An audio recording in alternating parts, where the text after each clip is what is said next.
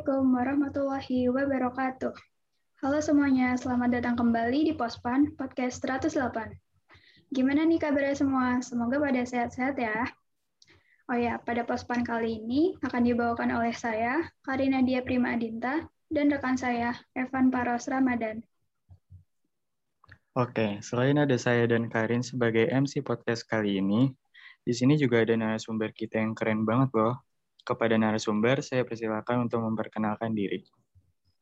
Oke, terima kasih. Halo teman-teman semua. Assalamualaikum. Kenalin, nama aku Nur Anissa Fitri. Aku biasa dipanggil Nisa, dan aku baru naik ke kelas 12. Dan aku juga salah satu peserta perwakilan KSNK bidang ekonomi tahun ini, mewakili SMAN 18 Jakarta. Salam kenal ya teman-teman semua. Salam kenal, Kak. Kanisa, gimana nih kabarnya, Kak? Alhamdulillah sehat. Alhamdulillah, semoga kita semua sehat-sehat terus ya, Kak. Ya, uh, Oke, okay, Kak Nisa. Uh, podcast kali ini tuh kita bakal bahas tentang apa sih, Van? Kali ini kita bakal ngebahas tentang tips lolos KSNK. Wah, kayaknya bakal seru nih. Kak Nisa, sebelumnya aku mau tanya, KSNK itu apa sih, Kak? Oke, terima kasih pertanyaannya. Jadi, KSN ini merupakan nama baru dari OSN, yaitu Olimpiade Sains Nasional. Kemudian sejak tahun 2020, OSN ini ganti nama menjadi KSN, Kompetisi Sains Nasional. Dari namanya itu kita udah bisa tahu ya, kalau KSN ini merupakan suatu kompetisi di bidang sains atau ilmu pengetahuan yang diselenggarakan dari tingkat SD, SMP, dan SMA. Kemudian, pelaksanaan KSN ini juga bertahap loh teman-teman. Jadi mulai dari tingkat sekolah, kota, provinsi, dan sampai ke tingkat nasional. Untuk di KSN SMA ini, ada 9 bidang yang dilombakan, yaitu ada matematika, fisika, biologi, kimia, astronomi, ekonomi, kebumian, dan geografi. Jadi buat teman-teman yang nanti mau berjuang di KSN 2022, bisa dipikirin dari sekarang mau ngambil bidang apa. Oke, Kak. Uh, oh gitu ya. Oh iya kak, sebelum ikut KSNK pastinya harus ada materi yang dikuasain kan ya. Nah, cara menguasai materi KSN itu gimana sih kak? Oke, terima kasih pertanyaannya. Jadi untuk menguasai materi tentunya kita harus berdoa dulu ya teman-teman. Jadi kayak sepintar apa pun kalian, tapi kalau Tuhan nggak mengizinkan kalian untuk memahami materi itu, kayak bercuma gitu kan. Jadi penting banget pertama berdoa, supaya apa yang kita pahami itu mudah dicerna dan bermanfaat buat kehidupan kita kelak. Kemudian langkah langkah selanjutnya, kalau aku itu pertama belajar dulu materi dari kelas 10 sampai kelas 12. Jadi penting banget kalian tuh buat paham dulu konsep-konsep dasar dari materi-materi kelas 10 sampai kelas 12. Jadi kalian baca dulu tuh per babnya. Nanti kalau dibaca kalian evaluasi per bab begitu terus selanjutnya. Kemudian nanti kalau kalian udah paham tuh konsep-konsep dasarnya, kalian bisa lanjut untuk mengerjakan soal-soal. Jadi untuk KSN ini kalian tuh harus aktif dalam belajar. Kalian harus mau cari tahu soal-soal kayak gimana sih yang bakal keluar di KSN. Kalian bisa browsing gitu di internet. Kalian cari soal-soal yang berkaitan dengan bidang yang kalian ambil, mulai dari soal yang lot sampai soal yang hot. Dan jangan lupa juga buat latihan-latihan soal dari OSN tahun sebelumnya. Karena dari situ kita bakal melihat tuh bayangan kayak apa sih soal-soal di Olimpiade itu.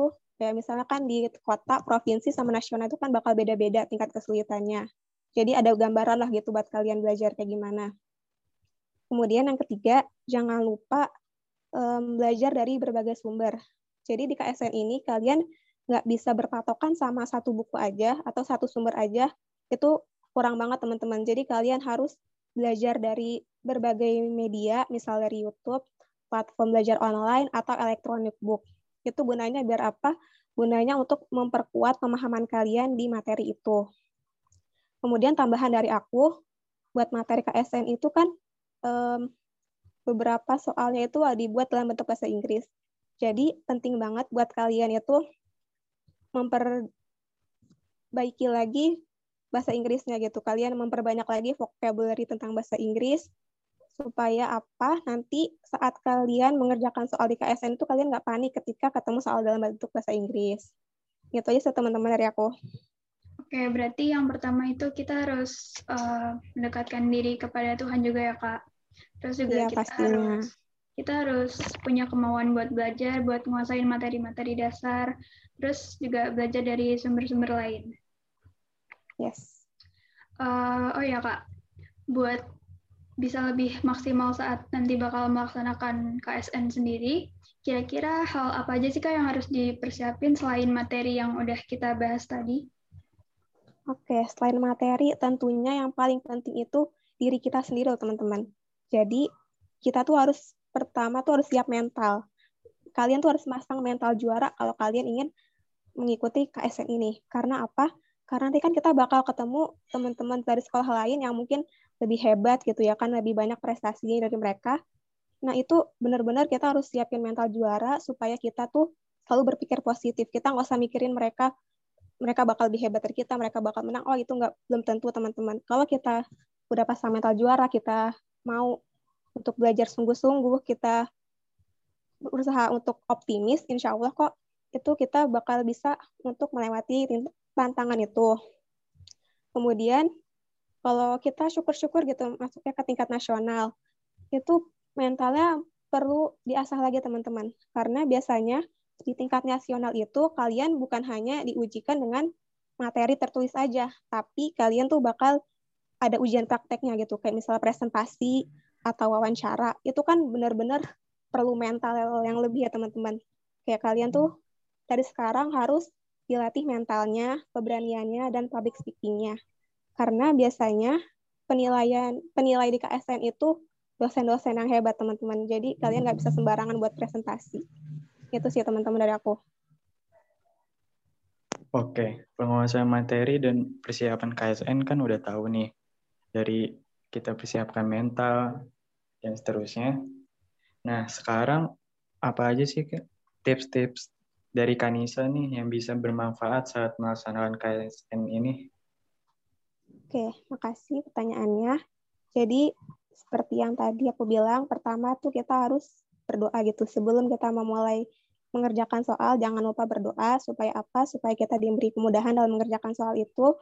Karena takutnya kalau misalnya kita berdoa, kita lupa sama Tuhan, terus nanti pelajaran yang kita udah ingat-ingat gitu, udah kita kuasai, takutnya lupa pas ngerjain soal. Jadi balik lagi tadi jangan lupa sama Tuhan. Kemudian yang kedua, baca dulu petunjuk pengerjaan soal. Biasanya kan di lembar awal itu bakal ada tulisan berisi tentang berapa jumlah soal, berapa menit, dan apakah ada pengurangan poin atau dan lain sebagainya. Itu kalian baca dulu baik-baik teman-teman supaya kalian bisa manajemen waktu juga. Kemudian langkah selanjutnya jangan lupa untuk selalu fokus, teliti, dan tenang. Ini penting banget teman-teman. Fokus, kenapa kita harus fokus? Jadi ketika kalian udah dihadapkan soal, jangan sampai pikiran kalian itu ke mana-mana. Takutnya nanti malah lupa gitu kan apa yang udah kalian pelajarin. Jadi untuk sementara itu lupain dulu semua beban-beban yang ada dalam otak kalian. Kalian fokus aja dulu ke soal-soal yang kalian hadapi. Kemudian untuk teliti, ini penting banget ya teman-teman. Karena kebanyakan kita tuh kejebak dalam soal yang gampang karena kita nggak teliti sama soalnya. Jadi dalam suatu kali dalam soal itu perlu dicermati baik-baik kalimatnya, harus dibaca sampai habis itu optionnya, jangan sampai kita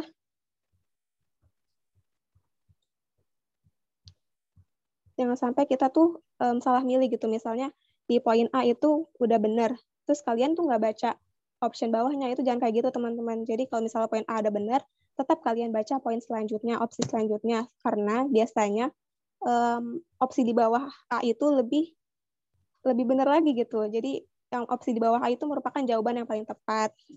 Terus selanjutnya, di fokus teliti dan jangan lupa tenang. Ketika kalian ketemu soal-soal yang kurang kalian pahami, kalian nggak tahu nih materinya apa, jangan jangan panik teman-teman, jangan kerasa kusuk lah kerjaannya. Kalian tapi skip aja dulu itu soalnya, Nanti kalau kalian ada sisa waktu, baru kalian kerjain lagi gitu. Dan mungkin tips dari aku tambahan ya, kalau misalnya kalian ketemu soal yang kurang kalian pahami, bisa kalian eliminasi dulu itu opsi-opsinya. Kalian baca dulu, siapa tahu kan ada materi yang kalian ngerti gitu kan. Jadi bisa membantu kalian lah buat menambah poin. Tapi kalau misalnya soalnya itu benar-benar kalian nggak paham, kalian nggak tahu itu konsepnya apa, ya ini kembali lagi tadi ke teknis soalnya. Kalau misalnya bidang yang kalian ambil ada pengurangan poin, saran aku jangan diisi. Karena takutnya kalau misalnya banyak soal yang kalian nggak bisa, itu malah ngurangin poin kalian. Tapi kalau misalnya bidang yang kalian ambil, kayak aku ekonomi itu nggak ada pengurangan poin, jadi kalau aku nggak tahu, mungkin aku bisa ngasal aja gitu ngikutin feeling. Itu sih teman-teman. Wah, dari tips-tips yang udah Kak Anissa sampaikan tadi bener-bener banget sih, dan uh, saya sendiri yakin pasti kalau kita nerapin tips-tips dari Kak Anissa tadi, insya Allah bakal memperlancar saat kita melaksanakan KSN-nya sendiri. Hmm. Saya kagum banget sih Van dari penjelasan-penjelasan yang udah Kanisa paparin tadi. Uh, sebelumnya dari KSNK yang pernah Kanisa ikutin, apa aja sih Kak manfaat yang Kanisa dapetin? Oke, makasih buat pertanyaannya. Jadi setelah aku ikut KSN, pertama yang tentunya aku kan uh, dapat memperluas wawasan aku ya, terutama dari bidang aku ambil. Aku ekonomi, jadi aku lebih tahu lagi materi-materi tentang ekonomi. Aku bisa tahu mungkin sekilas-sekilas materi kuliahan nanti di ekonomi kayak gimana. Kemudian yang kedua, itu aku juga jadi melatih tanggung jawab aku. Karena apa? Karena anak-anak KSN itu kan anak-anak peserta pilihan yang diutus dari sekolah untuk mengharumkan nama sekolah gitu kan. Syukur-syukur kalau kita bisa menang. Jadi amanah yang udah kita terima dari sekolah itu benar-benar harus dilaksanain dengan sebaik mungkin. Kita harus berusaha um, belajar semaksimal mungkin supaya bisa membanggakan nama sekolah. Kemudian manfaat yang ketiga, aku juga belajar manajemen waktu. Yang biasanya aku cuma belajar buat materi sekolah, aku cuma biasa fokus buat tugas sekolah, tapi di sini sekarang aku dituntut buat belajar untuk KSN. Jadi tentunya aku kan harus meluangin waktu antara KSN dan tugas sekolah. Itu yang ketiga. Dan yang keempat, ini mungkin manfaat yang akan kalian dapatkan jika kalian lolos ke tingkat selanjutnya, yaitu akan memperluas jaringan pertemanan kalian. Karena kalau misalnya kita udah lolos ke tingkat selanjutnya ya, misalnya provinsi, pasti kan kita akan dibentuk suatu grup-grup di WA gitu. Dan di grup itu kan akan ada semua teman-teman dari berbagai sekolah. Dan dari situ kan kita bisa memperluas pertemanan kita. Kita bisa ngobrol sama mereka lewat Zoom ataupun lewat WA juga bisa gitu kan. Kita jadi bisa menambah wawasan kita lah tentang sekolah-sekolah mereka kayak gimana. Kemudian manfaat yang terakhir, mungkin ini akan kalian dapatkan juga ketika kalian memenangkan kompetisi ini. Minimal lah di tingkat kota itu kalian bakal dapat sertifikat yang insya Allah sertifikat ini akan membantu kalian di seleksi um, negeri masuk perguruan tinggi atau SNMPTN itu sih teman-teman manfaatnya menurut aku.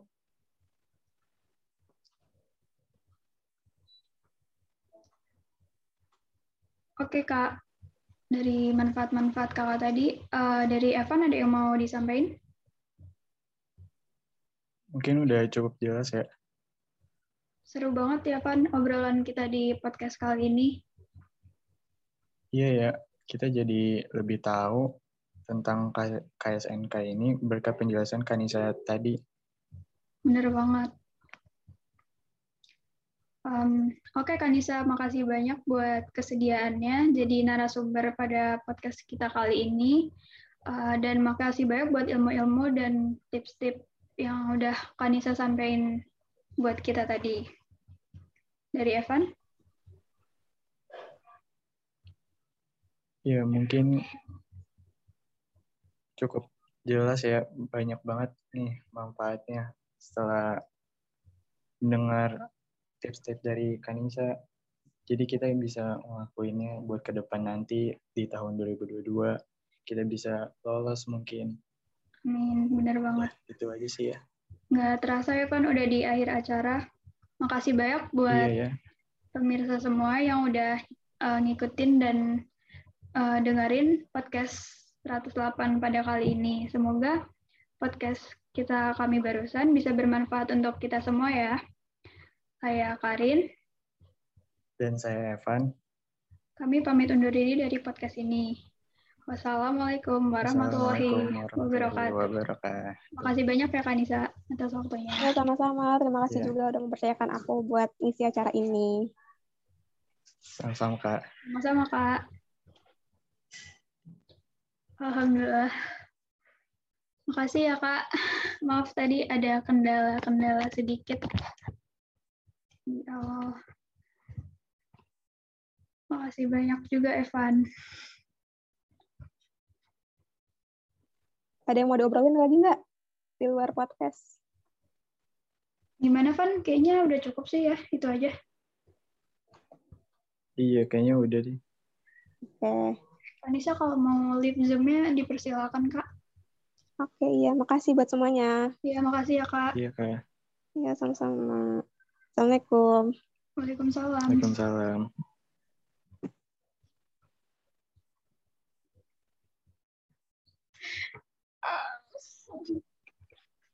Astaga. Eh, tunggu, belum gue post recordnya.